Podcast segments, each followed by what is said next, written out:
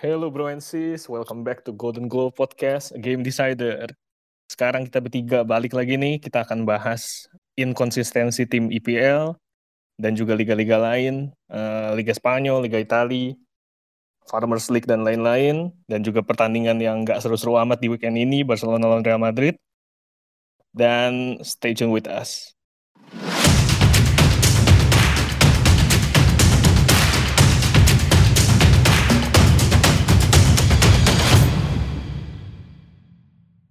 Nih, Pak? Gimana nih, Hans? Aston Villa, 4 pertandingan, 4 kali kemenangan. Everton di puncak klasmen. Aston Villa, terlebih lagi Aston Villa ya, mereka bisa mengalahkan Liverpool yang gue bakal prediksi, bahkan prediksi awal gue, Liverpool pasti menang gede lah. Untuk tim yang hampir, bahkan kita prediksi dia bakal terdegradasi ya, di fixture 38 musim lalu ya. Ya ini lumayan sih, tapi lagi-lagi baru 4 pertandingan dari 38 coy, ini awal-awal aja lah. Ntar ujung-ujungnya bakal big six juga lah itu yang menguasai gue bilang sih. Ya memang berkaca dari apa ya statistik kedua tim juga gue rasa mereka memang salah satu tim dengan statistik yang saat ini paling bagus ya di Liga Inggris ya. Contoh kita lihat aja Everton. Dari lima pertandingan udah dijalani, mereka udah mencetak 14 gol dan baru kejebolan 7 gol ya. Kejebolan 7 gol memang memang lumayan banyak sih di antara itu. Tapi eh, sekali lagi gue pengen tegasin di sini kalau Everton itu punya faktor X yang membuat mereka sangat nyaman nih berada di puncak klasemen karena mungkin Ancelotti musim ini bisa berhasil mendapatkan pemain buruannya ya kayak Alan, Dokore, sama James Rodriguez. Jadi Ancelotti itu bisa memainkan sistem yang dia mau dengan nyaman gitu karena dia udah memilih pemain yang tepat. Terus ditambah juga top scorernya Dominic Calvert-Lewin dengan 7 gol ya. Karena Dominic Calvert-Lewin disulap kayak Shevchenko Shevchenko nih sama Carlo Ancelotti. Inzaghi, Inzaghi ya dia bilang menurut gue bener banget sih karena di Everton ini uh, semenjak kedatangan James Rodriguez, Dokore dan Alam permainan mereka berubah. Terutama James Rodriguez. Ini yang membuat menurut gue ini yang dibutuhin Everton dari dulu banget. Kreator yang bisa ngasih crossing yang akurat dan lain-lain dan itu dimiliki dengan James Rodriguez. Ditambah lagi Calvert Lewin yang benar-benar benar banget kata Hans, benar banget kata PK, benar-benar mantap banget lah ini. Dia uh, dari 14 gol Everton, 7 golnya dari Calvert Lewin setahu, setahu gue Ya ditambah lagi dengan Emang, Aston juga iya. sama ya, punya punya Jack Grealish ya. Jack Grealish nih kayak semacam pemain yang reborn musim ini benar-benar menjadi kreatornya kreatornya Aston Villa dari sisi kanan bahkan jumlah gol sama jumlah asisnya juga lumayan sangat berpengaruh ya buat kebangkitan Aston Villa di musim ini. Emang Jack Grealish berapa gol berapa asis ya musim ini? Soalnya gue sepa, setanggap gue Jack Grealish gak terlalu memberikan signifikan secara gol dan asis, tapi secara permainan. Oh, banyak banget cuy. Banyak banget banyak banget sih. Lebih kontribusinya dua itu lebih daripada perandingannya sih, jauh. Tujuh kayaknya deh totalnya. Empat ya? tiga, tiga empat gitu. Tapi kalau pendapat gua dari awal gua ngelihat uh, dari segi transfer, pelatih dan lain-lain, gue emang memprediksi Everton tuh bisa uh, contender untuk empat besar tahun ini. Di, uh, eh. Dilihat lagi juga semacam uh, lihat dari empat lima pertandingan terakhir ini aja, bener-bener tim EPL itu enam enamnya nggak ada yang konsisten bener-bener. Tapi kalau misal Aston Villa ya mungkin ini kayak ya ya semacam ya luck pertama lah luck awal-awal aja yang mungkin nanti kehabisan bensin bisa jadi. Tapi menurut gue ya Aston Villa nggak bisa dipandang remeh lagi sih. Tapi untuk empat besar masih jauh. Tapi kalau Everton menurut gue ya empat besar bisa lah Setuju sih, gue rasa juga fansnya sekarang bakal ya cukup jumawa lah, di mana target dia minimum sekarang jadi oh kita harus empat besar, malah mungkin kalau bisa juara juara. Karena emang um, pembelian dia on point gitu ya, kayak yang udah dibilang sebelumnya sih, dengan harga yang nggak terlalu mahal juga, bahkan Hames gratis gitu ya, main kaliber kayak gitu. Tapi ya lagi-lagi kalau bicara liga yang 38 pertandingan sih menurut gue yang paling penting konsistensi sih. Dan mereka juga belum teruji pemainnya belum ada yang absen gitu kan, mungkin satu dua. Kayak kita belum lihat misalnya uh, Alan sama Hames sama-sama cedera. Kayak Liverpool tahun-tahun lalu gitu kan. Belum tahu juga sih dia bisa um, ngakalin kedalaman skuadnya atau enggak sih. Nah, justru di situlah, justru di situ sebenarnya kelebihan dari Everton adalah mereka nggak punya liga-liga Eropa. Di mana enam tim besar lainnya, gue lupa deh, Arsenal ada nggak ya? Arsenal ada, ada ya? Ada ya? Gara-gara juara FA Cup ya? Iya ya karena mereka semua ada fixture-fixture Liga Eropa dan sekarang juga kondisinya lagi pandemi Covid sehingga fixture Liga Eropanya itu jadi mepet banget seminggu seminggu seminggu. Dan juga ada lagi international break di mana pasti pemain-pemainnya banyak yang dipanggil ke international cup. Sedangkan pemain Everton tuh nggak terlalu banyak yang dipanggil untuk international cup. Paling yang langganan ya James untuk Kolombia, Pickford, Digne, ya itu-itu aja sih. Nggak, nggak akan terlalu banyak dibanding enam tim besar lainnya. Sehingga faktor mereka akan lebih minim cedera sih menurut gua. Itu yang akan jadi keunggulan Everton. Ya ngomongin masalah cedera juga kebetulan di game week 5 kemarin Everton sama Liverpool ada beberapa korban cedera ya. Salah satunya yang paling injury blow yang paling gede menurut gue itu Van Dijk. Cederanya Van Dijk nih dan diperkirakan ini berlangsung lama sampai-sampai kemungkinan dia bakalan uh, sisa sisa musim ini dia nggak bakal main atau mungkin di dua bulan tiga bulan terakhir dia baru kembali lagi. Nah dari pihak Everton juga ternyata baru dapat kabar hari ini kalau Hames juga mengalami cedera akibat tabrakan sama akibat tabrakan sama Van Dijk kemarin nih. Oh iya. Gitu. Jadi dia baru- next fixture nggak main. Next fixture nggak main, tapi cederanya nggak seperti paling dia absen 1 sampai 2 pertandingan doang seperti itu. Anjir. Eh, tapi serius, ini gue baru tahu infonya. Thank you banget. FPL gue ganti langsung. Gue masangnya, masang James aja. Nah, Tapi emang yang bahaya banget ini sih si Van Dijk ini sih. Bisa Iya. bisa nih di winter transfer dia bisa beli pembelian panik sih. Kayak contohnya Connor Cody ya kalau nggak salah ada rumor-rumor dia mau tarik ya. Walaupun Iya. Fabinho juga sekarang udah mulai sering ditaruh di belakang. Tapi ya emang Van Dijk ini krusial banget sih. Apalagi dia juga lagi nggak ada Alisson juga, nggak ada komando di lini belakang sih. Betul banget. Kayak sebenarnya ya, ya ini mungkin untuk bahasan selanjutnya aja ya di next episode Oh, yang lawan Ajax kemarin itu juga sebenarnya performa backnya Liverpool juga sebenarnya bukan performa back sih, kipernya. Walaupun mereka aman tidak kejebolan sih, tapi itu juga faktor karena ada Fabinho juga pas itu.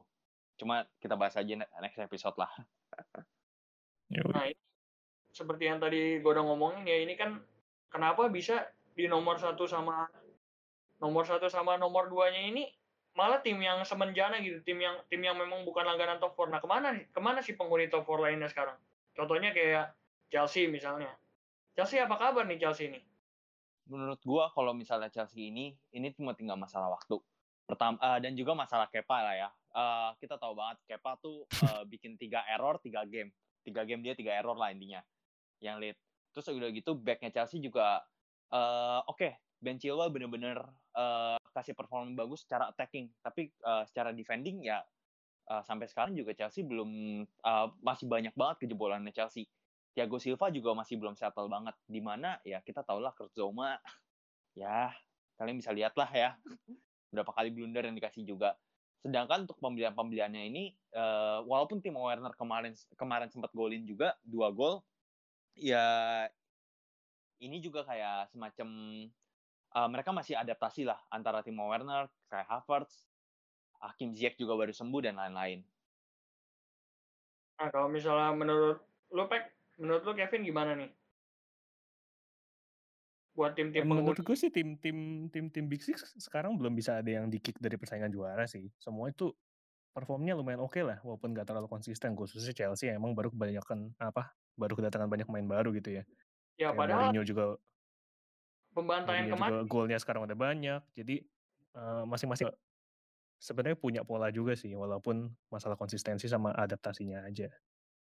Padahal karena pembantaian kemarin yang Liverpool eh sorry Tottenham menang besar lawan MU gue langsung berharap banyak sama Tottenham gue lihat wah ini kayaknya calon-calon bagus nih mungkin bisa title contender apalagi ditambah dia datengin Gareth Bale sama Reguilon yang benar-benar bagus banget dalam musim ini nah tapi kenapa nih tiba-tiba kenapa setelah unggul 3-0 dibalas jadi tiga sama sama West Ham Itu emang Ah. misteri sih itu. Tim- Tiga kosongnya juga dari 15 menit pertama lagi. Jadi kayak ya udah pasti masalah mental sih itu. Satu kebobolan eh, dari 3-0 jadi 3-1, total kepercayaan dirinya hilang. Nggak ada faktor Gareth Bale sih ini. Orang-orang kayaknya Bale- Gareth Bale masuk jadi jadi impostor gitu ya. Padahal belum bukan karena dia juga gitu.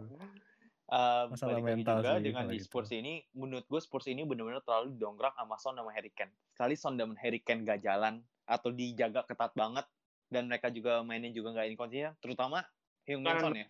Itu tuh benar-benar sangat manusia yang sangat inkonsisten banget. Sehari bisa golin 5 gol, besoknya bisa ya nggak tahu ngapain gitu, jalan-jalan aja. Hmm.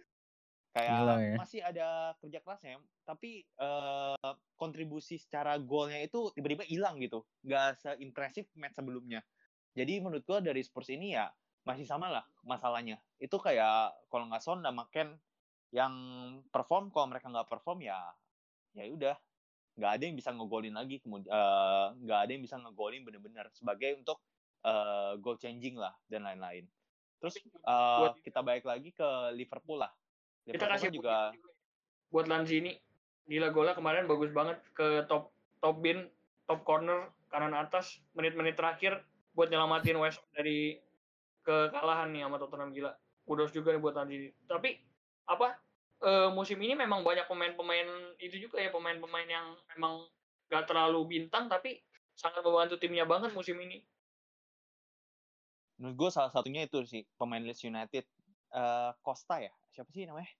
Calvin Phillips. Costa ya. Ya itu sama-sama bagus sih semuanya, heeh. Hmm. Iya. Gabriel Costa di depan, Calvin Calvin Phillips kan dia komando semuanya tuh, motor Iya. serangannya tuh dari belakang. Defensive midfielder. Heeh. Dan emang pengaruh dari Bielsa juga sih menurut gua. Bielsa tuh salah satu pelatih top yang menurut gue cukup impresif juga bisa bawa Leeds United dari eee, championship dan bisa masuk promosi ke Premier League setelah sekian lama. Ya, terus kalau misalnya ini nih ada big match nih ternyata nih di di game week 5 nih. Man City menang 1-0 lawan Arsenal. Nah, ini gimana nih? Apalagi menurut lu Cid sebagai fan City, nah itu gimana? Eee, menurut gua, eee, ini pendapat gua ya. Eee, pertama, eee, secara City main, City main dengan formasi yang berbeda, 3-4-3 yang kemarin. Walaupun secara terlihat ya, maksudnya secara dari kalau misalnya lu lihat secara line up langsung, itu kelihatan formasi biasa 4-3-3. Tapi mereka main 3-4-3 di mana mereka taruh Walker di back tengah, lempar Ruben Dias di tengah. Eee, lalu Cancelo itu yang gua kira tuh, eee, bakal jadi back kirinya City, ternyata dia main di kanan. Di sayap kanan, Hmm. bukan sebagai back kanan atau back kiri. Dengan, eee, formasi yang berbeda dan juga kita bisa lihat sih di sini tuh kualitas si Bernardo Silva tuh kayak gimana. Bernardo Silva bukan cuma pemain yang asal cuma bisa nyerang dan dia nggak mau bantu pertahanan. Dia tuh mobile banget sih. Itu menurut gua faktor penentu kemenangan City antara, eee, Walker dan Bernardo Silva untuk kemarin itu. Nah, kalau dari sisi Arsenal sendiri nih, Arsenal Arsenal sih sebenarnya nggak seperti nggak seperti itu ya, maksudnya nggak seperti musim-musim lalu yang yang kayak domba, yang kayak domba datang ke tempat jagalan ya udahlah, gue mau dipotong ya udah bodo amat mau dibantai 6-0, 5-0. Tapi sekarang Arsenal ini di bawah si Arteta ini gue melihat Arsenal ini lebih punya identitas sebagai tim, lebih tahu cara mainnya gimana, lebih lebih bisa high press, lebih bisa melawan, punya mental buat lawan-lawan tim-tim gede. Karena ma- bukan masalah taktik, Arsenal itu memang setiap tahun itu selalu dipengaruhi juga sama masalah mental ya, karena mentalnya udah jatuh duluan saat melawan saat bertandang ke tim-tim gede gitu. Eee, kalau dari gua sih Arsenal kemarin tuh mainnya benar-benar bagus banget. Kenapa City cuma bisa nyetak satu gol, itu pun juga bola rebound dari Leno, karena pertahanan Arsenal juga rapi banget dan penyerangan juga rapi sih. Kalau dari Iya. lu, Pek, gimana? Emang Arsenal di sini menurut gue sih yang, eee, bikin beda tuh dia dapat back tengah yang oke sih Gabriel itu ya. Bisa, eee akhirnya Ya, dia dia punya back yang fix, tempatnya fix di situ. Karena selama ini kan bongkar pasang David Luiz, Mustafi, sama Sokratis banyakan blundernya kan daripada performnya. Dan juga dia, eee, baik tenaga-tenaga kayak Bukayo Saka itu, mmm, cukup oke lah untuk untuk jadi prospek. Kuat. biasanya Arsenal pakai skema 3 back, sekarang Arsenal pakai skemanya 4-4-2 di mana 2 back tengah dan 2 back sayap dipakai lagi Bellerin sama Tierney. Berarti memang Dia masih 3 back sih, masih 3 back sih. Dia iya, dia masih 3 back. Heeh. Tierney dijadiin back Nah. tengah. Yang yang iya heeh, tengah-tengah belakang, ini formasi yang cukup terbuka juga ya buat meladeni buat meladeni permainan City ya, nggak nggak nggak nggak bisa dibilang nggak bisa dibilang parkir bis ini. Enggak enggak, kemarin tuh benar-benar mereka jual beli serangan sih. Berapa kali Bukayo Saka Bukayo Saka bukan ya? Ya Bukayo Saka tuh benar-benar Hmm. banyak ruang. Banyak ruang untuk bisa shoot, tapi ya memang beda di kualitas sih menurut gua. Dan satu lagi, back City hari ini benar-benar solid. Eh bukan hari ini sih, ya kemarin-kemarin lah ya. Kemarin pas lawan Arsenal tuh benar-benar solid. Ya beda dengan apa yang terjadi di match lawan Leicester atau Leeds United sih. Ya faktor menurut gua back kiri sih menurut gua. Kepala Emang itu yang main. dicari lah ya. Ya City udah invest begitu banyak buat back tengah sampai beli 2 gitu kan, Ake sama Diaz. Tentunya Tapi yang berarti masalah itu sisi yang kurang ya. yang masalah back kiri, kepala suku tuh kemarin Hmm. nggak main, bisa menang makanya. Kepala suku. Tapi ya kalau kalau gue lihat akhir-akhir, eee, justru baru ini Bernardo Silva baru mulai starting lagi ya? Kayaknya 2 atau 3 tahun lalu kan dia selalu, eee, nggak pernah lepas tuh dari line up. Tapi ya tahun lalu dia sempat ngilang. Kenapa ya sekarang baru-baru ini dipanggil lagi? Tahun lalu dia nggak starting karena, mmm, balik lagi David Silva, eee, menurut gue walaupun masuk di tahun terakhir David Silva ya, tahun terakhir David Silva pas itu juga David Silva juga tetap perform. Yang kedua, Bernardo Silva, eee, bener-bener imper eee, inform banget. Maksudnya, eee, beda banget dengan performa yang pas juara beda 1 poin sama Liverpool. Di mana performanya bener-bener gila-gilaan. Di tahun berikutnya performa dia itu down banget, di mana tapi di Portugal dia mainnya bagus banget sejujurnya. Jadi Hmm. kayak ada mungkin, eee, ada perubahan cara main Bernardo Silva yang Pep minta lah. Sehingga Bernardo dan Bernardo juga biasanya ditaruh di sayap sehingga tahun lalu di mana, eee, si Bernardo ini kurang begitu perform. Menurut gue sih Bernardo lebih perform di tengah sih dibanding di sayap. Oke, mungkin dari Inggris baru segitu aja kali ya ringkasannya karena memang masih week 5 kita nggak bisa menyimpulkan terlalu banyak. Oh, mungkin kelupaan satu nih. Kemenangan besar MU lawan Newcastle nih. Padahal dikira sempat kalah lagi waktu menit kedua udah kejebolan dari gol bunuh diri. Tapi MU kemarin performanya lawan Newcastle cukup cukup bagus ya di mana eh, Fernandes itu ber- beraksi lagi walaupun ya gagal penaltinya tapi akhirnya membayar kesalahannya pakai satu gol sama satu assist. Oke lah. Oke Yang lah. banyak diomongin Tapi ya gol gol Fernandes itu kan berawal dari pergerakan Van de Beek ya itu counter attack-nya itu oke sih. Ya, Dan betul, emang betul. Menurut gue Fernandes emang konsisten banget sih dan layak jadi kapten MU. Mungkin Betul, bisa betul. gantiin Maguire juga sih. Kalau misalnya Maguire eh, nggak perform dia bisa disimpan dulu di cadangan. Fernandes bisa gantiin sih. Ya, istilahnya Fernandes ini sekarang jadi dinamo dan kreator serangan MU yang kalau misalnya nggak ada, udah monoton serangannya dull. Cuman ya nggak jelas arahnya ke mana, seperti itu. justru itu sih menurut gue masalah dari MU. Selama Fernandes bisa di-keep bener-bener ditahan banget, bahaya banget di mana Manchester United gak punya uh, plan B lah. Kalau nggak ada Fernandes siapa playmaker yang akan bisa ngebuat penyerangan lagi? Ya, betul, betul. Tapi ya Iya, kita kita lihat lagi lah ya, MU masih mungkin masih saat ini masih terseok-seok di peringkat bawah. Mungkin pelan-pelan bakal no- nohok ke atas kali. tapi kenapa Greenwood itu bakal kedengeran lagi ya? Ada ada ada masalah apa ya? Oh, mungkin karena berhubungan dengan perempuan. Oh gitu. mungkin ada di dipanggil nggak timnasnya. masuk line up. kasus, kasus indisipliner mungkin. Oh.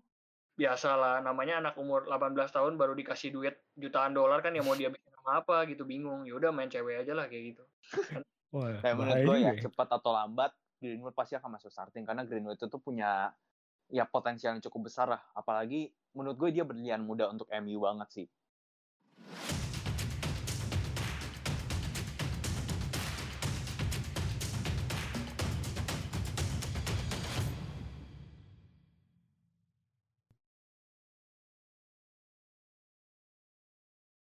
Ya sedikit update aja sih ya.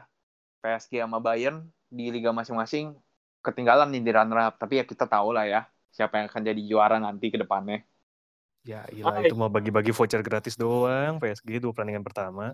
Tapi iya be- Iya. paling minggu depan juga udah balik lagi. namanya menurut juga gua petani Ya. apa petani bijaksana suka bagi-bagi ke rakyat miskin Farmers Iya. League, Farmers League gitu, gitu-gitu tahun lalu dua perwakilan Prancis, dua perwakilan Jerman. iya ya gue sama gue sama PK yang banyak bacot malah timnya dibugilin Banyak banget. Apalagi gua anjir. Sayang PHP bukan Lyon yang masuk final ya. Untung iya coba kalau bisa Lyon lawan Bayern aduh Enggak, Lyon lawan Leipzig. Lucu jir itu. Lyon sama PSG juga udah lumayan lucu sih. Jadi kayak finalnya Coupe de la Ligue coy. Liga Ya, Champions jadi tapi Coupe de la kalau Ligue. kayak gitu PSG biasanya menang. Nggak seru. Iya, iya sih. Lyon lawan Leipzig aja biar bingung kita yang menang mana. Tapi kalau Gak seru gak lihat seru. dari Emang lu kira City bakal kalah sama Lyon awalnya? eh, Belum dari gue lihat line up-nya sih ya, dari gue lihat line up pertamanya sih kalah, tapi udah nggak usah dibahas lah. Dari gue lihat line up aja gue udah gue udah nggak yakin sih dari gue lihat line up-nya dulu. Cuma kalau misalnya kita lihat ini ya, dua pertandingan PSG pertama kan kalah dengan alasan ya COVID lah, pesta-pesta lah, Neymar, Mbappe, Di Maria nggak main lah. Tapi kelihatan sih dari sini bener-bener Neymar, Di Maria, Mbappe kalau misalnya nggak ada PSG tuh jadi tim biasa. Kalah sama tim Mhm. yang baru promosi dan lain-lain. Dengan alasan mereka pakai banyak pemain muda, tapi pas gue lihat line up-nya juga kayak ya walaupun rotasi-rotasi ini masih banyak pemain yang kayak masih bagus gitu. Julian Drexler masih main setingkat gue kemarin. Yang Choupo-Moting pertama parah ya banget. Kalau yang pertama parah banget cuy. Yang main kayak Ruiz Atil itu tuh striker tengahnya. Kalau yang kedua yang melawan Marcel udah udah bagus. Udah Neymar Mbappe setahu gue deh. Nah, tapi yang, Yang pertamanya pun juga walaupun banyak pemain Parah banget itu. lainnya, iya parah Hmm. banget. Tapi kayak masih ada pemain-pemain reserve yang masih pantas lah. Iya. Choupo-Moting tuh masih oke First lah ya. team. Coba tinggal cabut coy. Pertandingan pertama masih ada, setahu gua. Oh iya. Pertandingan pertama PSG masih ada, setahu gua. Masih main dia, masih main. Masih main. Ya emang reserve-nya PSG harusnya bisa first team di Rennes gitu first team tuh tapi ya Iya. Kebanyakan jarang main. Liga Petani lah kita langsung masuk ke Liga Italia aja nih. Juga lagi lumayan seru nih. Gila. Kalau menurut Siapa pepatah sih? sih roda berputar lah, roda berputar lah. Yang udah lama banget jatuh, terpuruk, sekarang tiba-tiba di atas aja. Apa Yang sampai lupa lah rasanya kalah. apa yang udah Ya, apa udah udah bosan ya? Lihat yang juara itu itu mulu selama berapa tujuh musim berturut-turut. Milan nikmatin dulu lah kayak gue tiap hari tiap setengah musim apa tiap musim dingin kan Inter biasa di puncak tuh. Ntar juga turun lagi Sekarang Juventus. nih. Sekarang Milan Milan Milan nikmatin dulu lah. musim dingin terus Ya. baru Juventus akan Juventus juga pada akhirnya. Hmm. Nah, Kan kalau misal tahu kan kalau Milan Milan ketemu Juventus dia apa WO minus satu poin kan bisa aja. ini kayak Napoli dikurangin dikurangin poin udah dianggap kalah 3-0 kasihan banget dah. Gara-gara Hmm. Covid. Emang Covidnya merugikan semua orang ya. Nah, terus kalau misalnya Milan nih apa sih ini gila nih tiba-tiba jadi chair banget nomor satu tapi memang tanda-tanda kebangkitan Milan tuh udah dimulai dari musim lalu ya Semenjak Zlatan datang lah. ya waktu Enggak, setengah semenjak musim terakhir setengah musim terakhir lalu tiba-tiba nggak pernah kalah bahkan sampai sekarang nggak pernah kalah di liganya ya kan Semenjak udah Covid bukan nih dia naik. sampai lupa kalah mereka beneran. lupa mereka saya kalah. tapi gila sih Ibrahimovic memang pantas disebut eh, legenda kota Milan lah main nama dua klub tapi dia benar-benar memberikan pengaruh yang besar buat dua klub yang dibelanya baik Inter maupun Milan. Dua-duanya sama sih dia kasih pengaruh yang besar sih. Buat gila. gue Zlatan ini bukan cuma secara statistik, secara permainan walaupun dia umurnya juga udah menua, secara permainan memang terlihat juga ada penurunan tapi mereka eh, Zlatan ini masih bisa perform. Tapi yang menjadi mas, eh, faktor Zlatan ini adalah faktor moral menurut gua sih ya.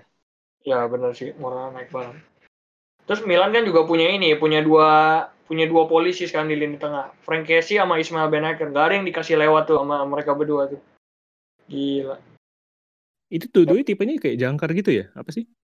Ya, kalau Benaker tuh lebih kayak di playing di playing playmaker dia. Dia mainin bola dari belakang. Kalau Casey sebagai pemutus serangan, dia kayak gelandang perusak gitu, interceptor. Hmm. Jatuhnya engkor Iya. bukan sih itu? Ya, anchor, Casey anchor benar. Engkor.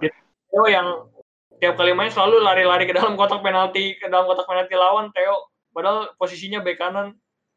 Bek kiri ya? Oh itu sih dari Iya. tahun lalu emang jago Tapi Milan memang Milan tuh. ya kalau menurut gua so far pantas sih memang sih berada di puncak klasemen sih. Kalau berkaca dari setengah musim terakhir musim lalu sama musim ini ya gila. Menurut lu nih ya, Pek. Menurut lu nih, Pek. Gue mau nanya deh, Pek. Hmm. Eh, Theo Hernandez pantas gak sih dilepas sama Madrid? Kalau ngeliat performnya di Milan tuh bener bagus banget loh. Ya karena pas yang zamannya dia di Sociedad di Madrid emang nggak sebagus itu sih menurut gue. Dia juga jualnya lumayan kan dapat 20-an nih, setahu gue 25 atau berapa. Ya, Emang-. Nggak tahu juga sih kalau Theo Hernandez dipindah di liga lain apa dia bisa masuk ke kotak penalti seenak gitu atau enggak kan. Karena Mi- Itali cuma kayak udah tinggal nama nih yang kayak kata kata Nasio defensifnya paling kuat. Kayak sekarang bocor banget ya tim-tim Bocor Itali defense-nya. Apalagi Atalanta tuh. Wah itu sih bocor dan membocorkan tim juga. bener-bener tim pantang mundur anjir. Maju aja terus. Coba dulu lawannya apa nerobos kayak Liga Italia zaman dulu nerobos kotak penalti sama Maldini langsung dihajar itu kakinya sama Iya disikat itu. Heeh. disikat langsung sama Turam back back back back gaek itu back back apa veteran Serie A Malah nggak perlu nekel kalau kata Maldini kan kalau lu perlu nekel berarti lu salah posisi di awal. Jadi tinggal berdiri doang harusnya. quotes legend banget sih dia Maldini sih back benar-benar back legendaris panutan panutan banget itu Kemarin Atalanta dibantai ya sama Napoli ya? Empat Iya, Napoli makanya kan sih. kan sebenarnya agak nggak adil kalau Napoli dipotong satu poin terus dianggap kalah 0-3 karena memang Napoli sekarang on, lagi on form juga dia kalah cuma satu kali yang ya gara-gara itu gara-gara covid itu dia dianggap dia Gitu ya? Oh iya Iya. bener, pekan 4 ya. apa ini efek geplakan Gattuso ya di ruang ganti digeplakin pemain satu-satu tapi memang kalau Napoli gue ngerti kenapa karena faktor pemainnya itu mereka pakai pemain yang memang relatif sama sih selama dua tiga musim terakhir jadi nggak memang nggak banyak nggak banyak nggak terlalu banyak apa ya nggak terlalu banyak eh, pergantian sistem tapi mereka malah dapat tambahan dapat tambahan Bakayoko sebagai jangkar sama Politano Politano itu juga Hmm. sangat itu di lini serangnya kemarin tendangan kaki kirinya gila geledek banget itu Iya. Sama Osimhen ya, striker yang mahal tuh. Iya. Osimhen mahal banget tuh Dan Bali juga masih ada di sana lagi. Hmm, yang gagal dapatkan City ya. didapatkan City ya gitu sih memang Liga Italia sampai saat ini belum terlalu ada update Seru sih kontendernya. Kontendernya banyak sih ya. Ya, Lazio juga masih bisa, walaupun kemarin di PHP-in David Silva jadi dapatnya Andreas Pereira. ya betul Iya. kita nggak bisa kita nggak bisa langsung mengambil kesimpulan karena ini memang semua liga tuh masih game week awal-awal mungkin ada yang bagus di awal ntar tiba-tiba kehabisan bensin kan kita nggak tahu Ya sama kasusnya kayak di Liga Inggris sekarang lah. Tim-tim papan atasnya lagi di bawah semua. ya nah sekarang kita bahas ini nih fixture yang fixture yang benar-benar legendaris nih yang derby terpanas di seluruh dunia nih mainnya Sabtu ini lagi El Clasico nah gimana nih El Yang Clasico tahun depan Celtic. gak panas lagi ya. Yang tahun Kita kan depan Celtic panas lagi. Ranger. Celtic Ranger kan minggu minggu lalu udah main. Itu kan lebih panas lagi tuh. cuma derby baku hantam itu Ah Madrid Barca mah. aduh itu Mana nih apa bakal seseru kemarin-kemarin? Gue sih nggak bisa nggak bisa. Kan Tahun ini Iya, mungkin ya tahun terakhirnya Messi juga kan. Kita bisa lihat ya kita nggak tahu lah tiba-tiba Messi perpanjang kontrak ternyata yang kemarin itu cuma drama nggak ada yang tahu kan. Tapi kalau misalnya Messi pindah, apakah El Clasico akan seru? ini ya ini mah bukan jadi El Clasico ini kayaknya Barca Madrid apalagi lagi kalah ini El Terpongkengo ini Eh, dikalahin lawan Cadiz sa- yang satu yang satu dikalahin lawan Getafe ada-ada aja coba Ya menurut gue Getafe itu adalah tim yang lumayan bagus kayaknya. Dari semenjak gue dengar-dengar dari dulu juga dia bukan tim langganan degradasi kan kayak ya memang top half lah, top half lah. Kan sempat masuk tahun lalu atau dua tahun lalu ya masuk Europa League dia. Kecolongan di pertandingan terakhir tuh hampir masuk Champions. itu isinya John Cena sama Undertaker semua pemain dihajar gila tiap kali lawan mereka Tua-tua itu pemainnya semuanya. 30-an ke atas. apalagi si Nyom ya tuh siapa tuh namanya Nyom sama Dakonam aduh gue tiap kali lihat main gue takut aja ada pemain yang cedera di situ diseruduk dihajar semua nah kalau prediksinya gimana nih buat El Clasico nih Ini di kandang siapa? Sabar. Kandang siapa nih? yang Barca dong Oh. Di Camp Ya sebenarnya nanya itu juga formalitas doang sih. Mau di Santiago juga gue Ya. sebagai fans sih gue nggak bisa berharap banyak ya. Karena emang menurut Madrid gua menurut gua tuh sekarang ini mau di kandang siapa dan apa pun eh, pemain ke-12 nya nggak ada semua. Nggak ada Iya, yang percuma. nonton ya. Masa nyalain rumput? pemain 12 nya Tiang, nonton kor- tiang cornernya beda coy. Posisi Nonton tiang di- cornernya beda-beda. di ruang VAR pemain ke-12 nya Oh gitu. Ya itu udah kontroversi lah. Nah, gue tapi- Madrid lagi lagi lagi la- belum bisa dibilang bakal jadi jelek, tapi maksudnya sekarang emang lagi transisi banget sih, pemainnya banyak yang baru. Itu creating chances-nya bener-bener nggak kayak tim gede sih kalau gue bilang. Ya memang Defense-nya tahun lalu sempat sempat bagus, defense-nya lebih bagus daripada tahun-tahun sebelumnya ya. Courtois dapat Zamora. Tapi tahun ini udah mulai kelihatan banyak bocornya juga, apalagi kalau pas Ramos lagi absen ya. Jadi gue nggak bisa berharap banyak. Dan sebenarnya. kayaknya Ramos absen gak sih musim ini apa? Pertandingan besok Ramos absen enggak gak enggak sih? enggak. enggak, Udah, enggak. gua- udah confirm main sih dia. Kan udah disimpan kemarin. Iya karena kemarin udah mau dapat kartu merah langsung buru-buru disimpan sama Zidane Panik ya. panik tapi ya sama sih halnya bisa dibilang dengan Barca sih. Ini dua pertandingan yang maksudnya sama-sama dua timnya lagi mengalami masa transisi. Masalahnya jarang loh di dalam 20 tahun terakhir ini Barca Madrid mengalami transisi yang transisi yang lumayan parah kayak gini. Tapi ini masalahnya kebetulan banget kedua timnya ini sama-sama masa transisinya sama. Nah biasanya kan kalau masa transisinya satu biasa Barca duluan atau Madrid duluan kemudian Barca atau sebaliknya kayak gitu kan. Tapi Barca bahkan merilis pemain-pemain utamanya yang katanya yang kerok musim lalu misalnya kayak Rakitic, Suarez dirilis semua yang yang katanya udah lambat-lambat gitu. Tapi menurut lu em, squad Barca justru kalau dibanding tahun lalu kan tahun lalu bisa dibilang gagal juga lah ya, musim yang gagal. Ya, Tahun betul. ini lebih pro lebih promising nggak sih? Kalau kalau gue lihat sih squad-nya kayak rada kurus gitu, nggak nggak banyak pelapisnya ya. Ya, Striker-nya nggak ada pelapis yang nah sepadan gitu. Itu karena gue bilang transisi, gue bilang transisi itu karena itu karena kedua timnya sekarang diandalin sama pemain-pemain muda. Buktinya sayap kiri Barca aja nih contohnya. Diisi sekarang posisi intinya Ansu Fati, umurnya 17. Terus penggantinya Pedri, umurnya 17 juga. Jadi pemain 17 substitution-nya juga pemain umur Hmm. 17 tahun. Nah, seperti Oh itu Pedri gitu. Pedri bukan gelandang tengah ya? Iya, Pedri setahu bisa gue Pedri kan yang tengah.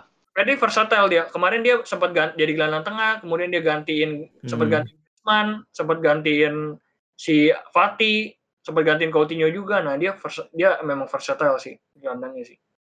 Terus juga di Barca juga sekarang juga ada pembelian baru juga itu pemain muda promising juga kan. Seperti Trincao ya. Ya, Trincao oke lah dia merusak dia tipe-tipenya kayak punya speed sih. Cuman dia sekarang masa pemain-pemain muda Barca yang paling utama itu ya pengambilan keputusan aja masih kacau. Kebanyakan megang bola atau mungkin terlambat oper, terlambat nge-shoot itu masalah yang masih real banget. Hmm. Kira-kira Dembele bisa nemuin formnya lagi nggak nih atau gitu-gitu aja? Kemarin sempat Beban golin kan ekspektasi ya. harganya. Itu di Liga Ya Champions. hal- lawan Ferencvaros sih ya. Kalau menurut gua sek- buat Dembele jangan terlalu berharap dulu lah orang yang udah lama nggak main bola terus tiba-tiba disuruh main bola di partai gede. Mungkin ini bisa jadi pembeda mungkin, tapi gue sih nggak berharap banyak sama Dembele kalau dari gua. Tahu-tahu menit 10 BPJS aktif lagi nanti. Nah, itu dia. Tuh BPJS kelas A gue yakin itu. Oh. Masuk rumah sakit mulu. Jadi ya kita nggak bisa Mmm, itu lah ya. Nggak bisa pakemin siapa menang siapa menang kita masih belum bisa lah. Kalau tapi emang sisi positifnya juga sekarang Coutinho kayaknya udah mulai dapat tempat nih, dapat tempat di tim utama bisa balik lagi ya. oh iya dong, Mut karena ditempatin di posisi utamanya nih di playmaker. Di CM ya. Iya, CM dan katanya nomor tujuhnya itu kan dilepas ke Griezmann tuh. Jadi dia pakai nomor Hmm. 14. Nah, katanya nomor 7 itu memang membawa kutukan. Jadi makanya kutukan Oh. berpindah dari Coutinho sekarang ya. Griezmann. Heeh. Sekarang Griezmann jadi kayak apa ya? Kayak kayak nggak ngerti lah di lapangan dia mau ngapain gitu loh. Nggak jelas. Terakhir tuh yang nomor 7 bagus di Barca siapa ya? David Villa bukan sih? Ya David Villa terakhir. Udah lama Eh, juga San ya. udah lama Habis ya? David San Villa siapa? Ada Turan. Sanchez. Ya Sanchez Sanchez. pernah nggak sih? Sanchez pernah. Setelah Villa Sanchez. Oh iya, berarti emang tapi Sanchez juga nggak terlalu bagus tapi ya nggak sampai over banget lah ya. Ya, karena memang Sanchez nggak ada nggak ada apa price tag-nya nggak terlalu tinggi terus udah gitu nggak ada tagline yang bikin dia terbebani gitu loh. Sementara kalau Griezmann kan memang udah terbeban banget nih juara dunia terus harganya 100 juta pula. Itulah ya, paduka nomor 9 di Barca lah ya itu udah I, I have no word lah ya. Kenapa bisa dikasih nomor 9 itu? Daripada itu. kosong coy. Lumayan itu motivasi. Kebanyakan itu kebanyakan sharing burger sama Hazard di Burger King itu berdua. Eh Tapi Paduka main lu- gak sih Paduka? Paduka sering main gak sih? Gue jarang, Enggak lah. jujur aja gue jarang ikutin La Liga sih. Kenapa gak Griezmann nih nomor 9? Iya kan? Eh oh, Griezmann kan 7, udah bagus. Cuma tujuh dong. Iya. Sekarang kan lu back, sembilan back tengahnya masih masih layak Pique nggak sih backnya? Kan orang pada bilang kayaknya jelek banget, lambat lah apa. Bahkan Pique yang sendiri gantiin udah sempat ngaku loh. Pique sendiri sempat ngaku pas ke Bantai 82 kayak dia rela untuk keluar pertama. Yang penting Barca bisa regenerasi. Justru gue bilang kalau misalnya pengganti PKS sepadan saat ini belum ada. Ya jelas lah dia pemain senior, veteran, juara dunia juga, terus udah gitu. Tapi kalau misalnya buat yang menggantikan secara jangka panjang, gue mulai ngelihat di Araujo sih, Ronaldo Araujo. Pemain muda Barca. Hmm. Gua Gitu. rasa sih, gua rasa kalau emang pengganti Pique Barca pasti belanja gede sih. Nggak akan tim segede gini belum berani kayaknya ngandelin eh, youngster buat posisi penting sih. Tapi Pique ini masih tet- ada visi visi passingnya juga masih bagus ya. Berarti ini tetap juga untuk dicari untuk partnernya sebagai Lenglet ya. Partnernya Pique Lenglet kan sekarang kalau nggak salah. Ya. Nah Hmm. justru justru sekarang itu Ronaldo Araujo bukan gantiin Pique, malah gantiin Lenglet. Sempat berapa kali partneran sama Pique di di, di back, jadi back Barca berdua seperti itu. Hmm. Justru yang kuat sekarang di El Clasico kipernya ya. Jagoan nih kiper dua. Courtois Karena tim kan. karena timnya lagi nggak perform jadi sering Kayaknya- sering dites belakangan. Kayaknya Ter Stegen, Ter Stegen nggak bakalan main nih. Jadi Neto yang main. Hah? Oh iya. Ya, karena Ter Stegen kemarin tuh sempat cedera, terus memang eh, apa kembalinya memang diperkirakan minggu-minggu ini. Nah, tapi itu kan mungkin karena faktor on form ya Neto kan udah maksudnya formnya lagi berlanjut nih. Jadi mungkin nggak agak nggak bagus gitu loh mencabut pemain yang lagi on form terus diganti sama pemain yang Hmm. bahkan baru ada cedera. Mungkin begitu kali pemikiran Ronald Koeman ya.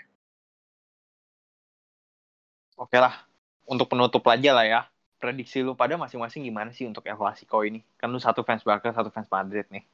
Waduh, 0-0 aja apa ya biar biar biar nggak ada ekspektasi kalau kalah ya udah, menang ya udah. Enggak, enggak. Kalau misalnya gue tetap Lamanita 5-0 supaya Pique bisa supaya Pique bisa ngangkat tangannya lagi. Oh ya benar, ya benar. Ih. Gua Optimis gue. gua gua 8-2 aja deh kalau gitu. Nah, kalau dari gua sih ya, ya gua sebagai pihak netral, gua ngelihat dua-duanya sama-sama lagi transisi bener kata lu berdua. Dan juga dua-duanya juga belum bisa bilang stabil banget. Terakhir Madrid eh, dengan lawan tim Shakhtar Donetsk yang compang-camping gara-gara COVID aja, mereka kalah. Barca kemarin juga kalah sama Getafe juga sempat. Jadi di sini sih gue bisa lebih memprediksi mungkin agak sedikit lebih ke unggul ke Barca, tapi paling menangnya tipis lah. 2-1, 3-2, 2-0, 1-0. Dan menurut gue Messi ini tetap jadi faktor pembeda sih untuk di El Clasico. Ya sebagai El Clasico terakhir dia lah mungkin. Iya sih, tapi Kan ini ada ber- dua. Kan ada Itu, dua leg El Clasico-nya. Ya yang satu lagi untuk terakhir di Camp Nou lah. kita tunggu-tunggu banget ya, kita tunggu aja nih hari hari Sabtu bagaimana nih. Tapi nggak ada yang red card lah ya. Udah nggak ada PP sama dua sama Ramos. Enggak dong. Itu saya juga takut Pak kalau kalau pemain Barca depan Barca melawan mereka berdua Pak. Takut ada yang patah kakinya.